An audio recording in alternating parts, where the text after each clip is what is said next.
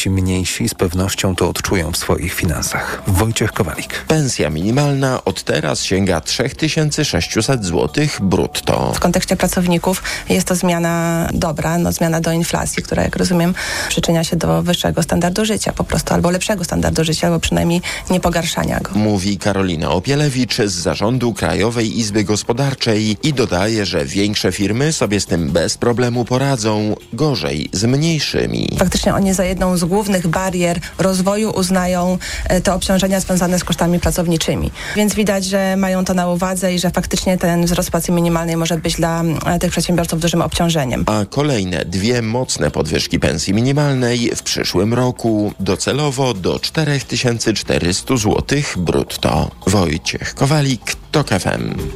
Blisko 44 tysiące pojazdów skorzystało z nowego tunelu pod Świną, przekazał rzecznik prezydenta Świnoujścia Jarosław Jas. Tunel otwarto w piątek. Nie doszło do żadnych wypadków ani kolizji, zdarzały się natomiast wtargnięcia pieszych oraz rowerzystów. Tunel pod Świną połączył wyspy Uznam i Wolin. Koszt budowy przekroczył 900 milionów złotych, z czego prawie 775 milionów pochodziło ze środków unijnych. Słuchasz informacji TOK FM. Kierowcy przejeżdżający przez Poznań mogą odetchnąć z ulgą przynajmniej w połowie zachodniej części miasta. Otwarto długo wyczekiwany przejazd pod torami kolejowymi w plewiskach, choć na razie tylko w jednym kierunku. Bezkolizyjne skrzyżowanie z linią kolejową na ulicy Grunwaldzkiej było wyczekiwane przez mieszkańców i kierowców z Poznania oraz powiatu od kilkunastu lat. Borogatki na drogach przecinających szlak kolejowy Warszawa-Berlin zamykają się co kilkanaście minut. Kierowcy, jak sami mówią, na tej głównej ulicy dojazdowej do miasta tkwili w codziennie po kilkadziesiąt minut. Naprawdę to jest w tej chwili bardzo dobra inwestycja i szybka, zrobi, szybko zrobiona. No, chyba każde udogodnienie jest potrzebne. Na tyle lat, co tutaj pracuję, to jest to duża wygoda, już nie trzeba stać na, na torach. Najdłużej, co stałem, to było 45 minut. Na razie przejazd pod torami otwarto tylko dla kierowców wyjeżdżających z miasta, ale to i tak spora zmiana. Muszą oni jednak pamiętać, że wciąż obowiązuje tam ograniczenie prędkości, bo trasa przechodzi przez plac budowy, mówi Paulina Nowicka z Poznańskich Inwestycji Miejskich. Budujemy też tam cały węzeł przesiadkowy z parkingiem typu parkuj i jedź. Jest tu również stacja kolejowa i coraz lepiej widać nową pętlę autobusową. A cała inwestycja z parkingiem, przystankami i drogą rowerową ma być gotowa jesienią tego roku. Tegoroczny czerwiec był najcieplejszym czerwcem w Wielkiej Brytanii w historii pomiarów temperatury, czyli od 1884 roku. Takie informacje podaje Urząd Meteorologiczny Met Office. Skutkiem wyższej temperatury są duże ilości padłych zwierząt, głównie ryb. Średnia temperatura dobowa w czerwcu wynosiła 15,8 stopnia Celsjusza, podczas gdy dotychczasowy rekord ustanowiony w 1940 i wyrównany w 1976 14,9 stopnia. Oprócz ogólnokrajowego rekordu najwyższą średnią dobową temperaturę czerwca zanotowano w każdej z czterech części składowych Zjednoczonego Królestwa. A teraz sprawdźmy prognozę pogody. Pogoda. W nocy tylko na północy i w Dolinach Karpackich słabe przelotne opady deszczu nad ranem, lokalnie na południu mgły. Jutro pogodnie i ciepło, ale burze wciąż możliwe na zachodzie.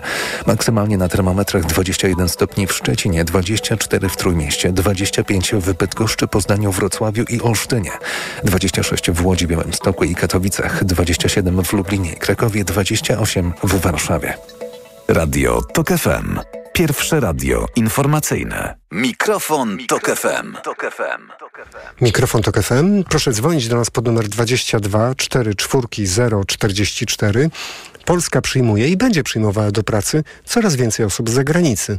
Dlaczego więc ani rząd, ani partie opozycyjne nie proponują żadnej spójnej polityki migracyjnej, a zamiast tego oferują tylko i wyłącznie negatywne emocje, które mają sprawić, że będziemy się wszyscy bali, i czekali, aż przyjdzie ktoś, kto silną ręką wszystko to chwyci i zbuduje e, taki system, dzięki czemu poczujemy się wszyscy bezpieczni. Bo teraz powinniśmy według polityków odczuwać jakiś rodzaj mm, zagrożenia. My pytamy, dlaczego nie, nie zaproponowano w kraju, w którym takie procesy tak masowe zachodzą, jak w Polsce, a są be, naprawdę bez precedensu e, migracyjne, więc w takim kraju nie ma żadnej spójnej polityki migracyjnej. Nie ma konferencji co tydzień, nie ma zespołu ekspertów, to co nasz słuchacz proponował, co wydawać by się mogło racjonalne, czyli wykorzystanie wiedzy e, i stworzenie niezależnej od mm, zmian politycznych e, czy komisji, czy agendy, która by e, zajmowała się tą sprawą. Pan Tomasz na portalu Facebook, na profilu Radia Tok FM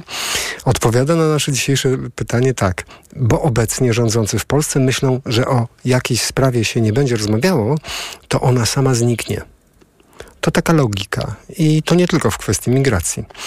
Dziękujemy panie Tomaszu. E, Rzeczywiście coś jest na rzeczy. To też mógłby być zarzut w stosunku do no, bardzo wielu mediów. Jak o czymś nie mówimy, to tego nie ma. E, e, Państwo dzwonią do nas pod numer 22 44 044. Pan Andrzej z Bydgoszczy jest z nami. Dobry wieczór panie Andrzeju. Witam panie redaktorze, dobry wieczór. Słuchając wszystkich wypowiedzi, akurat jestem, y, y, wszyscy panowie, którzy do państwa dzwon- do nas dzwonili, mają rację. Każdy w jakimś sensie odnośnie tych inwestycji, tych, tych ludzi, to jest wielki, wielki problem. Każdy z tych panów miał rację. A teraz mo, moje takie zdanie. Panie redaktorze, Morawiecki od razu ruszył Polskę w parę dni, że cała Polska buduje wielkie inwestycje.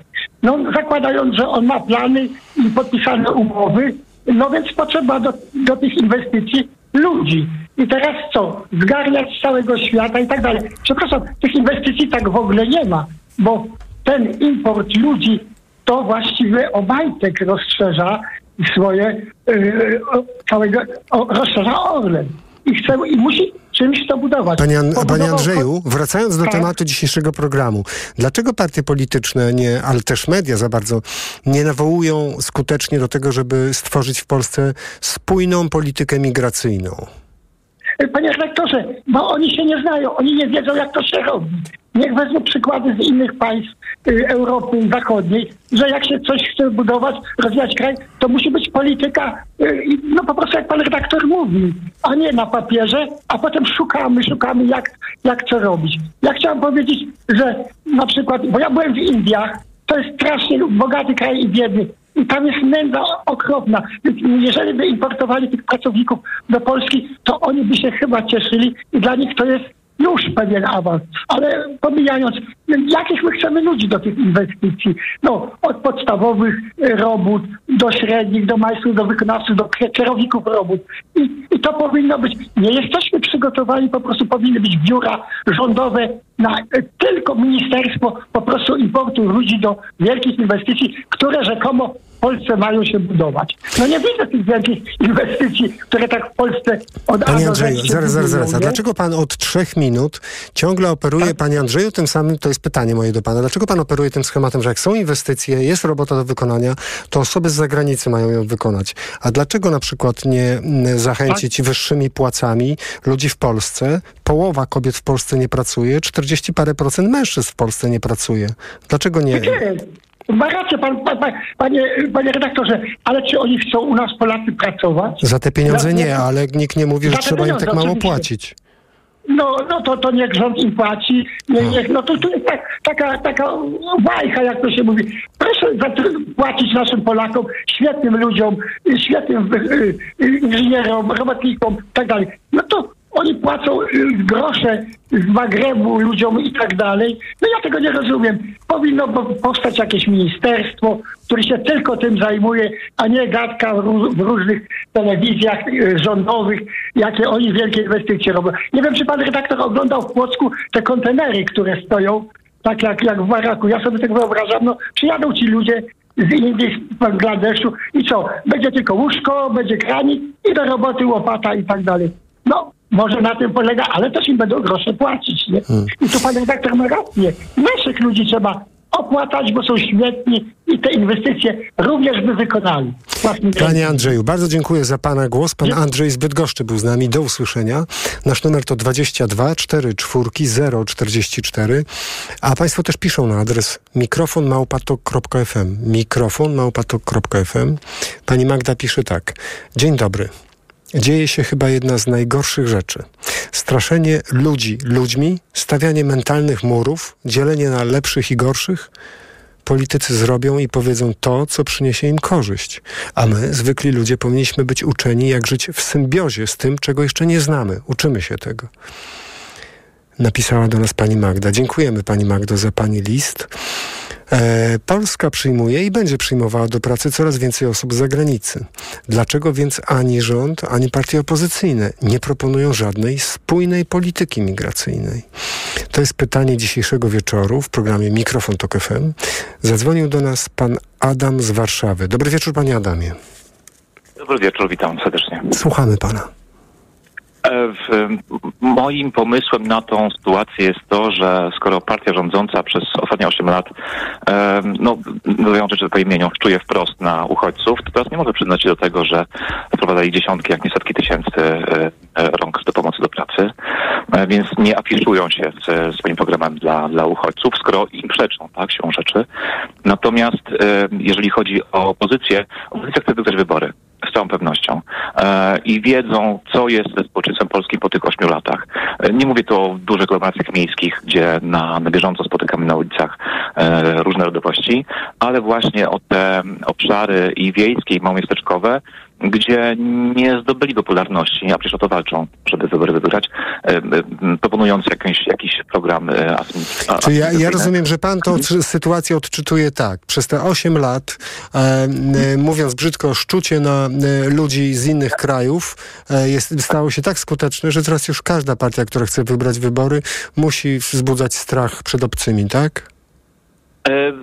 Tu już poszedł pan o krok za daleko. Nie wiem, Aha. czy każda partia powinna wzbudzać strach, bo ja widzę to w partii rządzącej. Nie widzę tego strachu w, w, w partii, opo- partiach opozycyjnych, szeroko rzecz ujmując, pomijam Konfederację oczywiście. Raczej nie wypowiadanie się na tematy, które mogłyby m, wprowadzić zakłopotanie zwolenników takich wahających się e, w małych miasteczkach i na wsiach. Tak, tak sobie to wyobrażam. To, tak czyli to dobrze, ale na, jeśli pan dobrze to odczytuje, jeśli pan ma rację, czy co, co z tego wynika? Jakie będą tego konsekwencje? Bo e, skoro mamy setki tysięcy osób z zagranicy i będzie ich coraz więcej i oni będą tu żyli, część z nich tu zostanie, e, to jak pan sobie wyobraża życie w takim kraju, gdzie partie, które wygrały wybory mówią, trzeba się trochę bać tych ludzi z różnych krajów, a z drugiej strony... To zależy jaka partia, wejdę słowo, to zależy jaka partia wygra. Jeżeli Mhm. PiS wygra te wybory, partia rządząca wygra te wybory, to to jest, to jest trochę młyn na ich, e, na ich obawy. Oni ściągają po cichu. Jeżeli coś się wydarzy, mają argumenty, mówiliśmy. Przecież mówiliśmy, że będzie źle i to się właśnie na, na naszych materializuje i tylko my was obronimy. Więc znowu sobie ten cementują ten elektorat.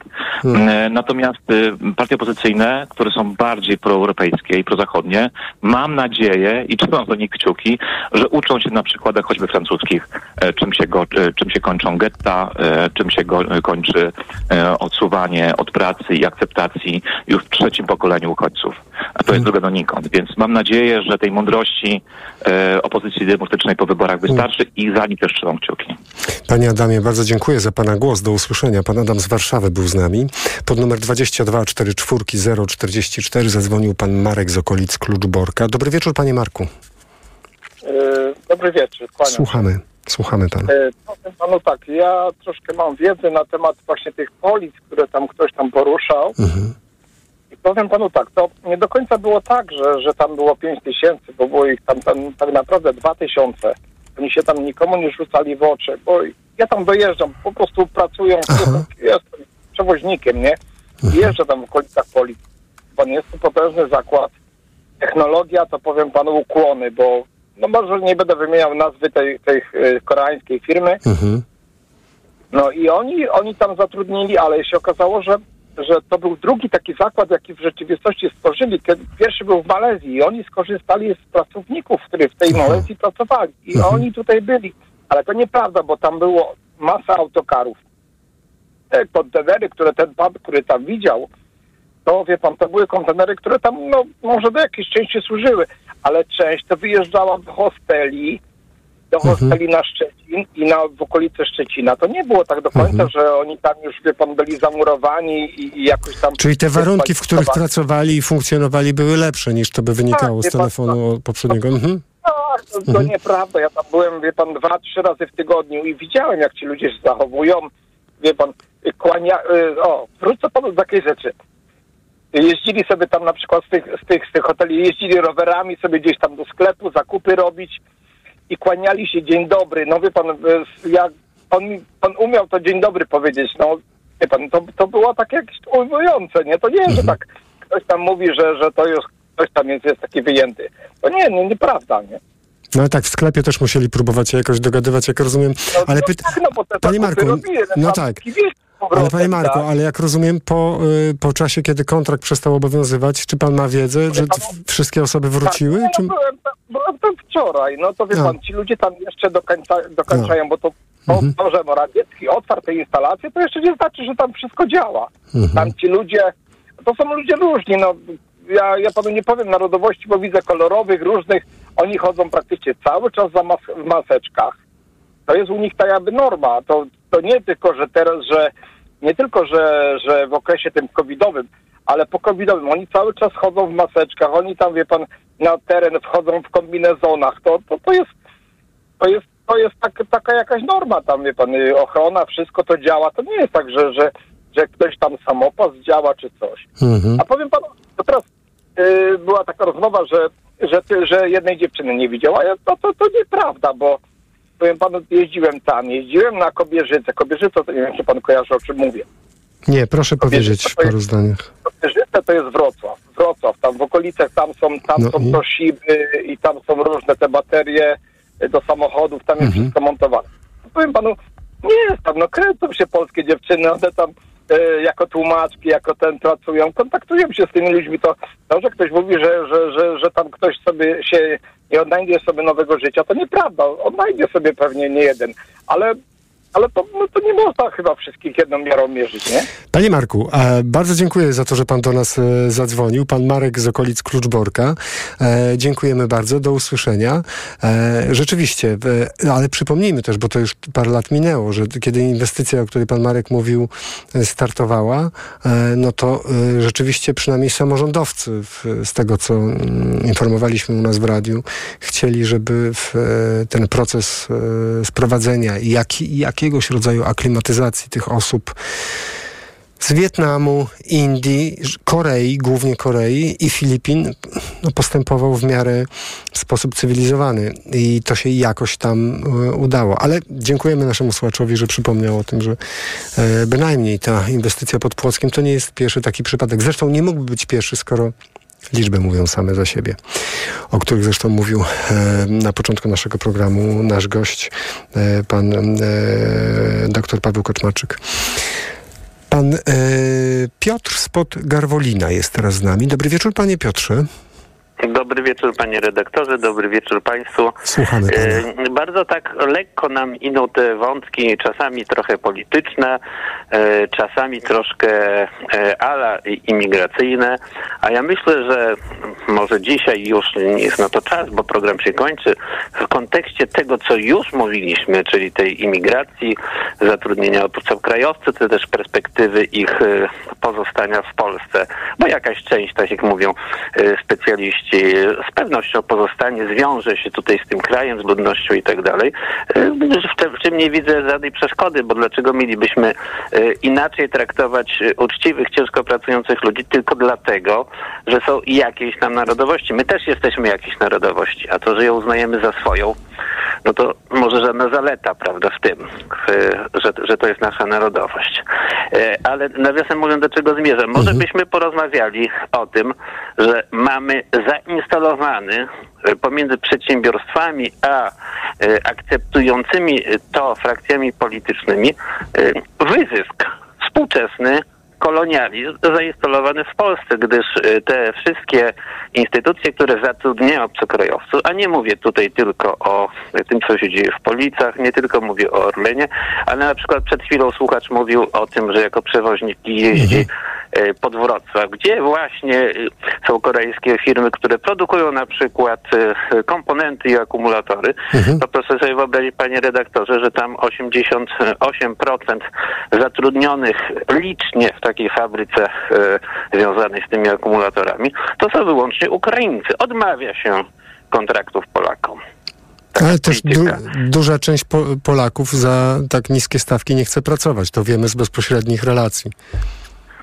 Być może tak, ale jest jakaś część, która chciała pracować i mamy do czynienia z odmową zatrudnienia ze względu na to, że stawający do kontraktu jest Polakiem, bo się przyjmuje po stronie pracodawcy, że Polak będzie miał y, Wyższe wymagania, przyzwyczajenia, tak, znaczy tak. ma pewne wymagania, y, któ- któ- Tak. co do których nawykł na tym rynku, natomiast ktoś, kto przyjechał Mhm. z, z, kraju oddalonego 2, 3, może 5, może że 7 tysięcy y, kilometrów, po prostu jest y, tutaj naproszonym u, u pracodawcy, jest w sytuacji przymusowej. Może Tak. Bardzo porozmawiajmy rzecz, o tak. współczesnym niewolnictwie, Mhm. które cichaczem, mm, powiedzmy tak, instaluje się, nie będę wskazywał, kto to robi, prawda, bo to nie jest jedna osoba. Ale panie Piotrze, ale, ale to dobrze, że pan stawia to w ten sposób y, i ten Mhm. wątek y, porusza, dlatego że to jako żywo jest właśnie istota dzisiejszego tematu. Pan sobie wyobraża, że państwo jak to re, re, reguluje, że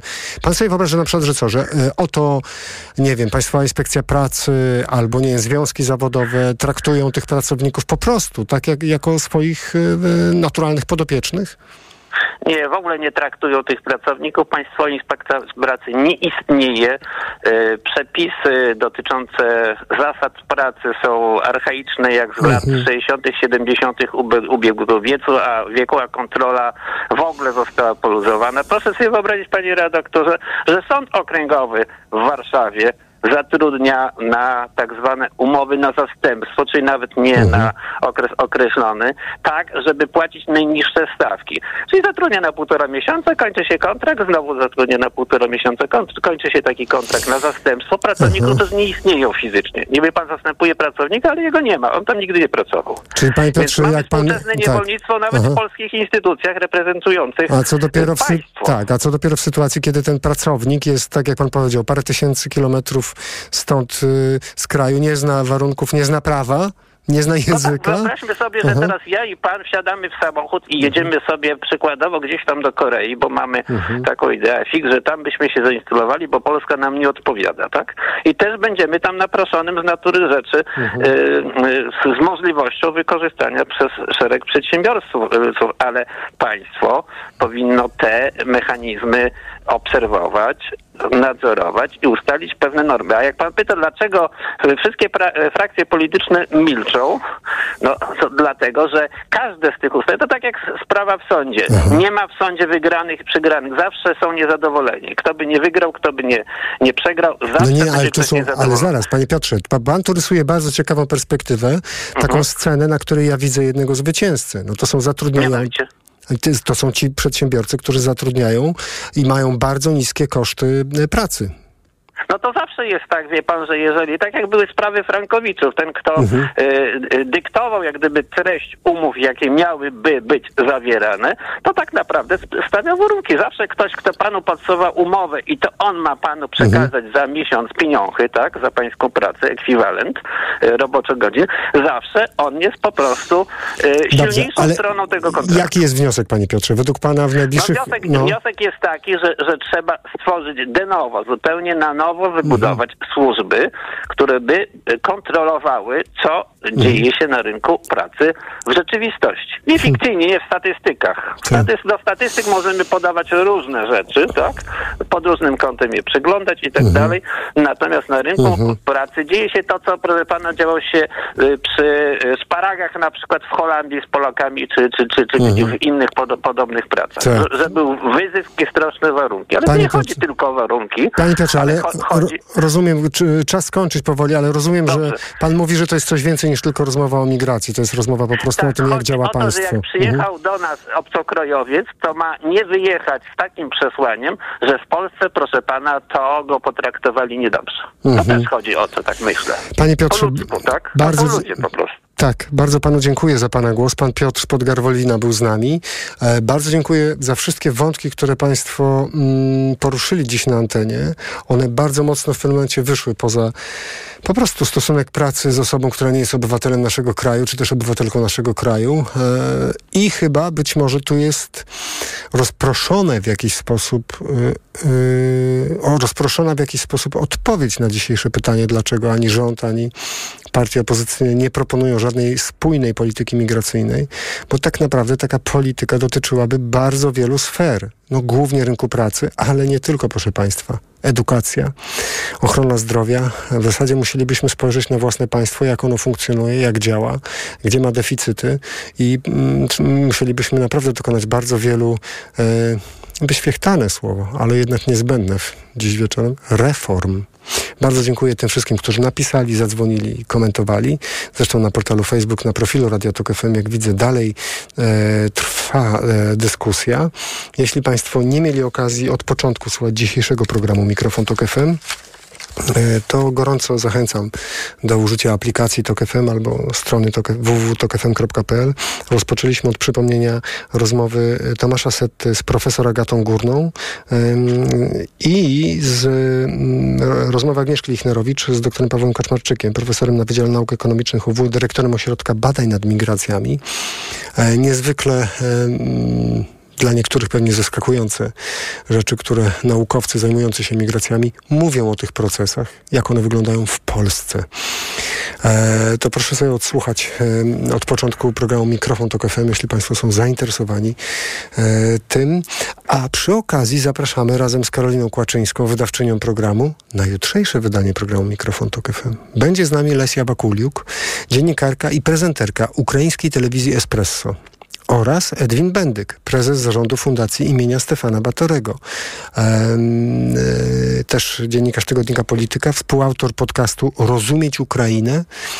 E, jutro e, goście będą w naszym studiu i postarają się odpowiedzieć na wszystkie pytania dotyczące tego, jak zmienia się Ukraina. Ukraina, która została zaatakowana pełnoskalowo w ubiegłym roku, od 2014 roku po prostu zaatakowana przez Rosję.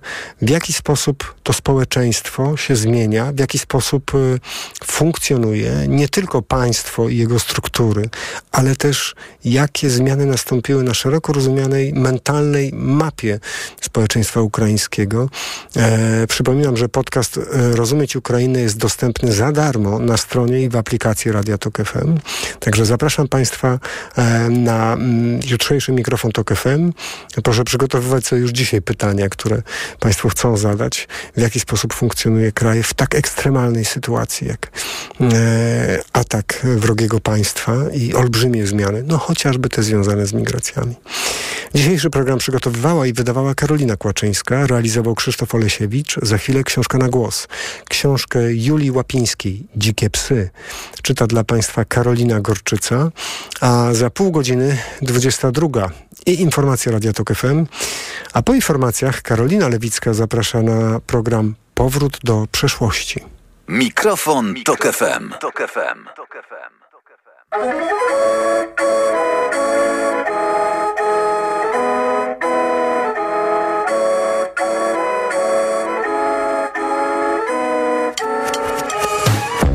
nowa chcę zrozumieć jak Zamykać oddech w klatce płuc. Chcę zapamiętać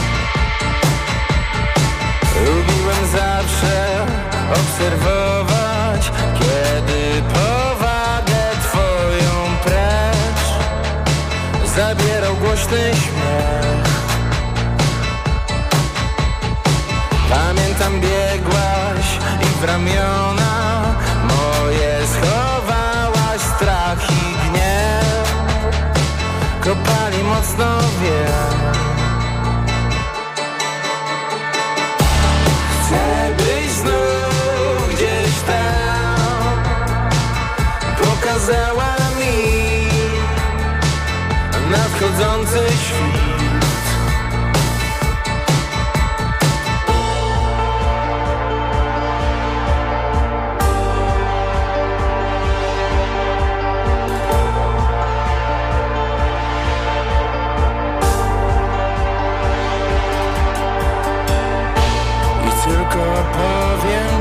że chcę Znów widzieć jak uśmiechasz się. I tylko powiem że chciałbym zostać jeszcze chwilę.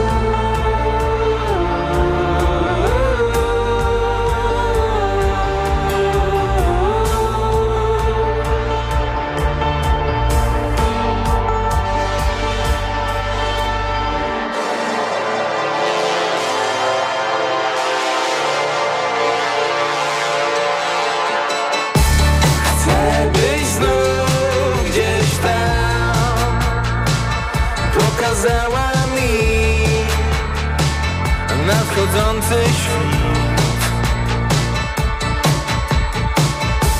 Chcę być znów gdzieś tam. Pokazała mi nadchodzący świt I tylko powiem ci, że chcę Znów widzieć jak uśmiechasz się. I tylko powiem że chciałbym zostać jeszcze chwilę.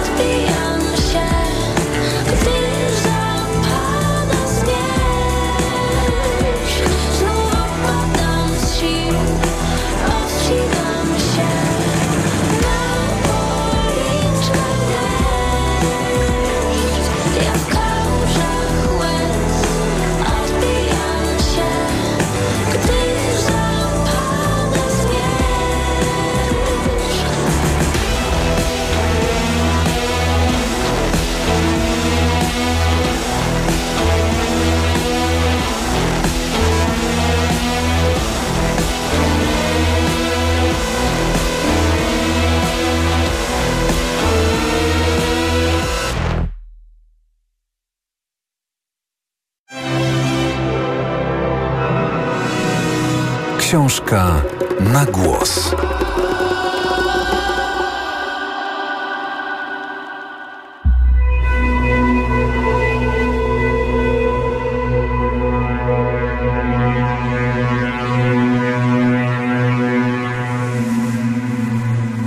Julia Łapińska.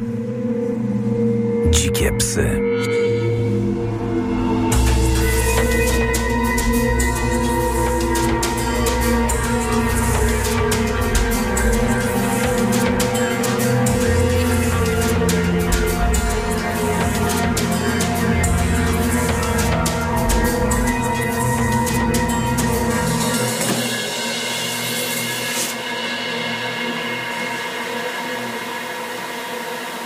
Inga Rojczyk nie ma pojęcia, skąd dobiega zgrzytliwy hałas rozchodzący się po pustym szpitalnym korytarzu. Im bliżej jest sali sekcyjnej, tym dźwięk staje się wyrazistszy. Nie przypomina sobie, żeby ktoś wcześniej puszczał tu muzykę, a już na pewno nie taką, która rozwala bębenki w uszach.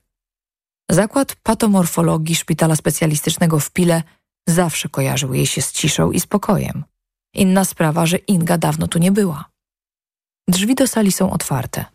Mężczyzna stoi odwrócony plecami. Dzień dobry, krzyczy Inga, choć jest już po zmroku. Nie słyszy jej. Ciemne włosy do pasa podrygują wraz ze szczupłą, lekko przygarbioną sylwetką. Dzień dobry! Wrzeszczy raz jeszcze tuż obok jego ucha. Mężczyzna gwałtownie się odwraca.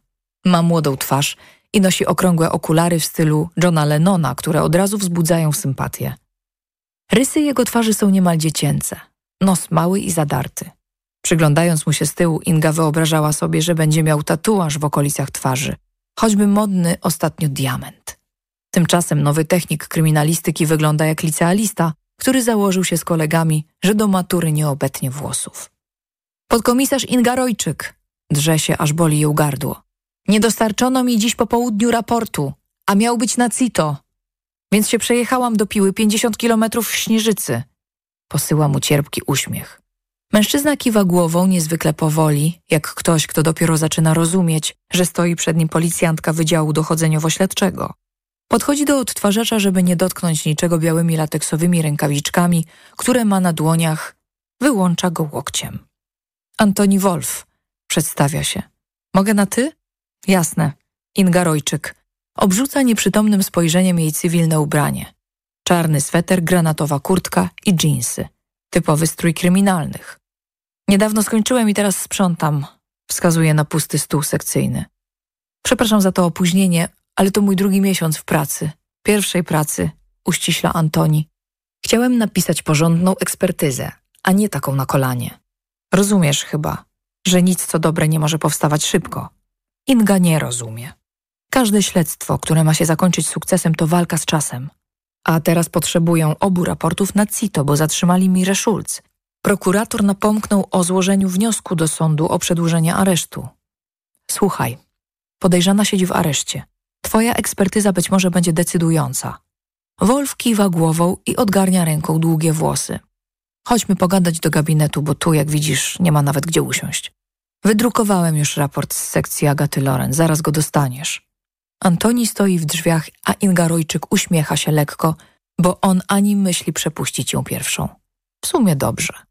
Jego pokolenie całymi garściami korzysta z równouprawnienia płci. Inga z ulgą wychodzi z sali sekcyjnej.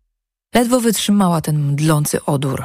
Kilkanaście lat pracuje w policji, a nie ma pojęcia, co to za substancja tak cuchnie. Powinna w końcu dopytać. Pewnie środki do dezynfekcji. Za to w gabinecie, do którego zaprowadził ją Wolf, pachnie świeżo zmieloną kawą.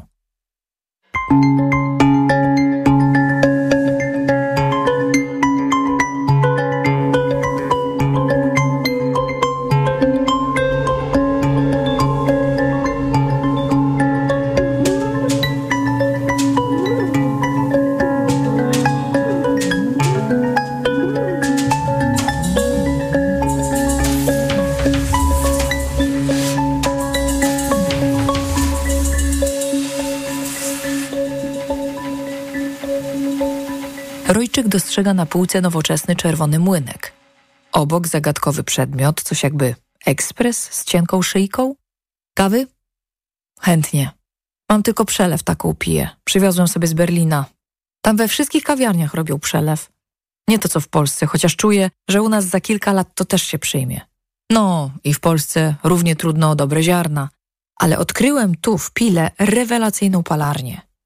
Nie jesteś stąd? Domyśla się Inga.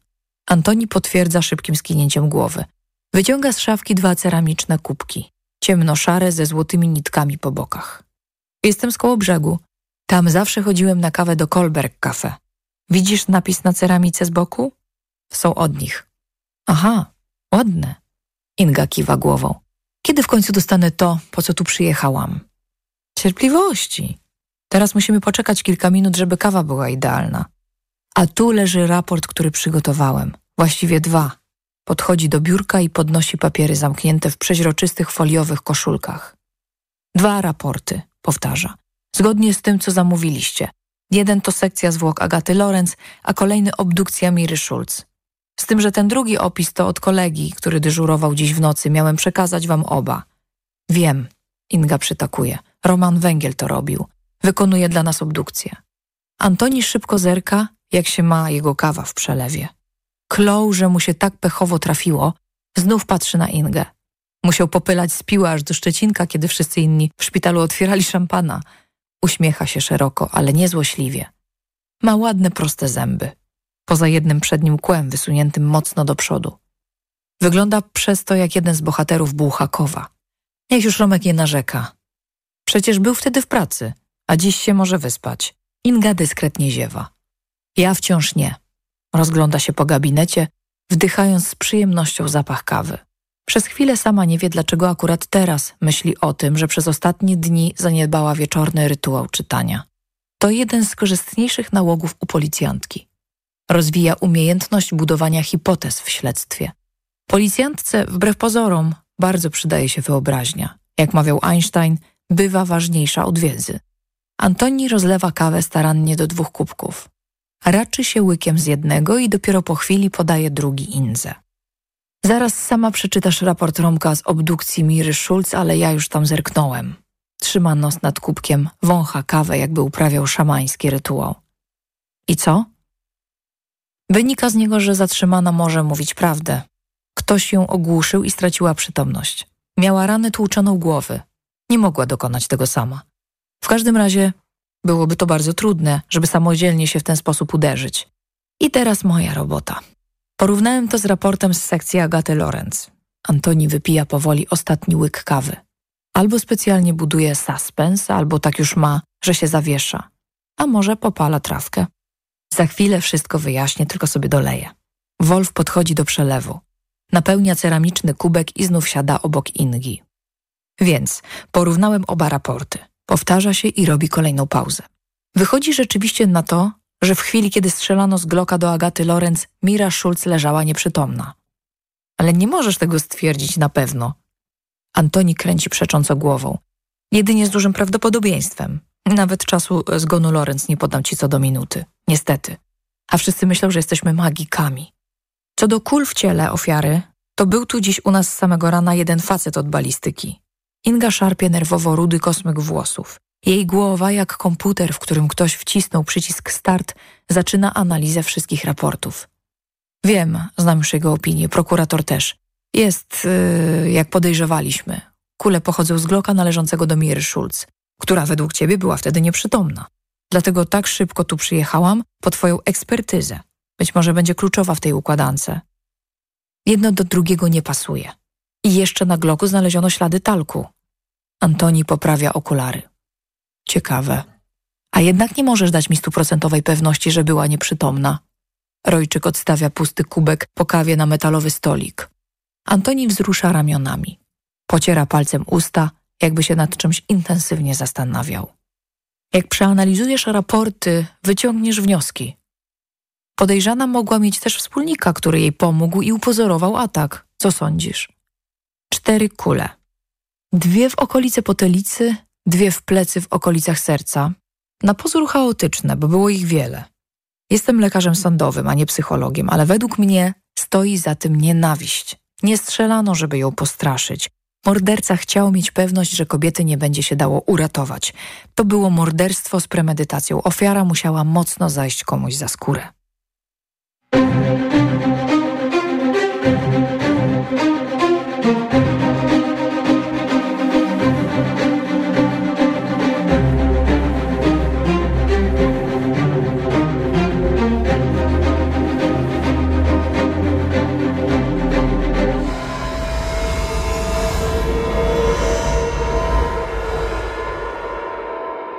Przez szybę samochodu Kuba obserwuje Ingę, jak idzie ulicą Miłą. Kral lubi gapić się na ludzi, kiedy tego nie widzą. Czytać w ich ruchach i gestach to, co próbują ukryć przed światem. Według niego dobry fotograf powinien mieć coś z podglądacza, który wścibstwo przekształci w sztukę. Śledzi teraz, jak Inga szybkim, zamaszystym krokiem zbliża się do samochodu. Łatwo poznać, że jest wzburzona. Spostrzega go w końcu. Dłonią w czerwonej rękawiczce stuka mocno w szybę. Kral otwiera okno i czuje zimny powiew wiatru na twarzy.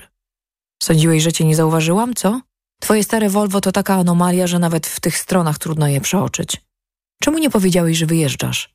Przygląda mu się czujnie. Zaskoczyła go. Wie, że był w Warszawie, pewnie od Kosmy Sendeckiego. Kuba, trochę się znamy.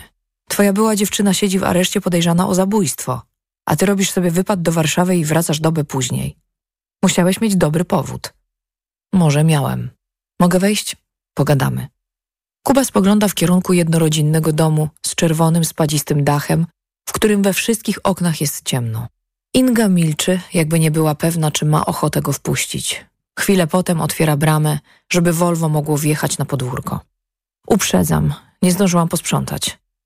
Rzeczywiście mieszkanie wygląda źle nawet jak na standardy krala, który nie jest przesadnie pedantyczny. W zlewie piętrzą się niezmyte talerze, a na stole leżą dwa styropianowe pojemniki po jedzeniu na wynos. Gdzie Edmund?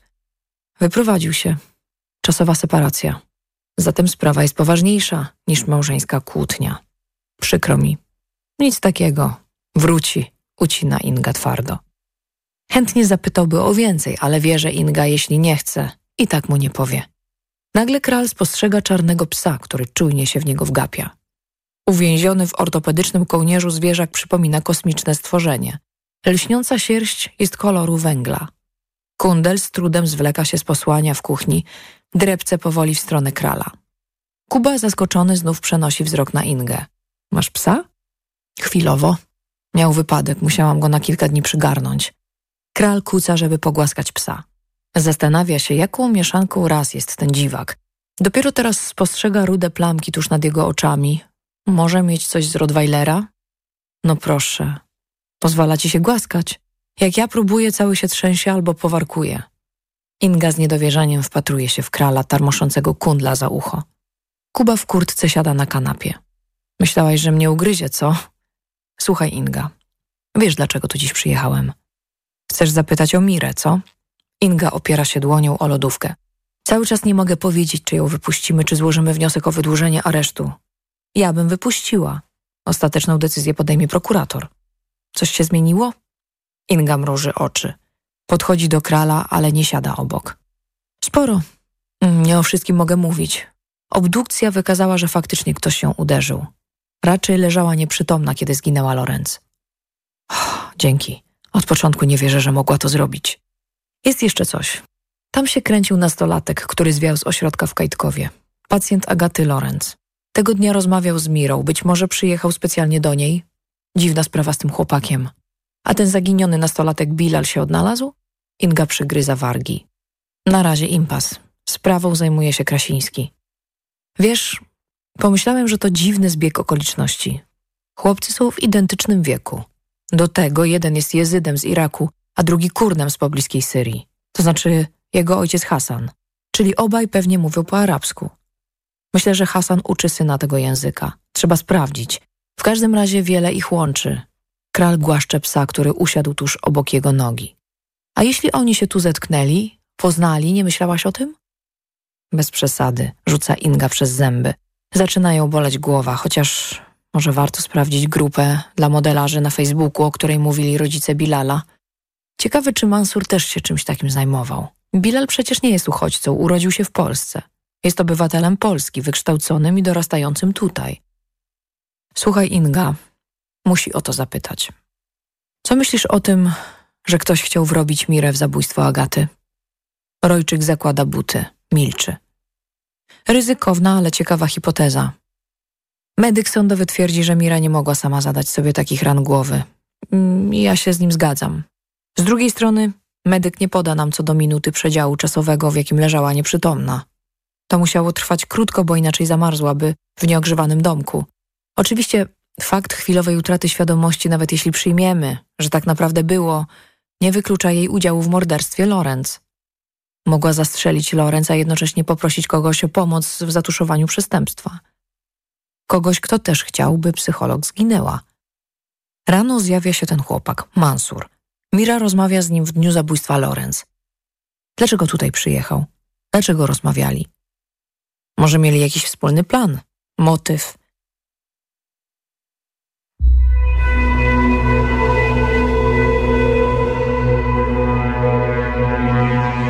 Karolina Gorczyca przeczytała kolejny fragment powieści Julii Łapińskiej Dzikie psy. Muzyka i produkcja Jarek Gawlik.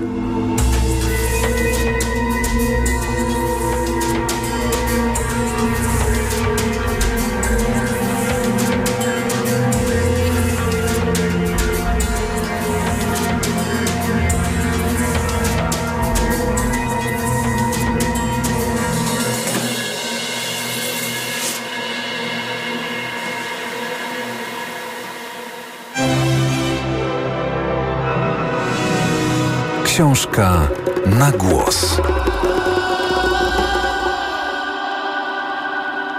Radio TOK FM.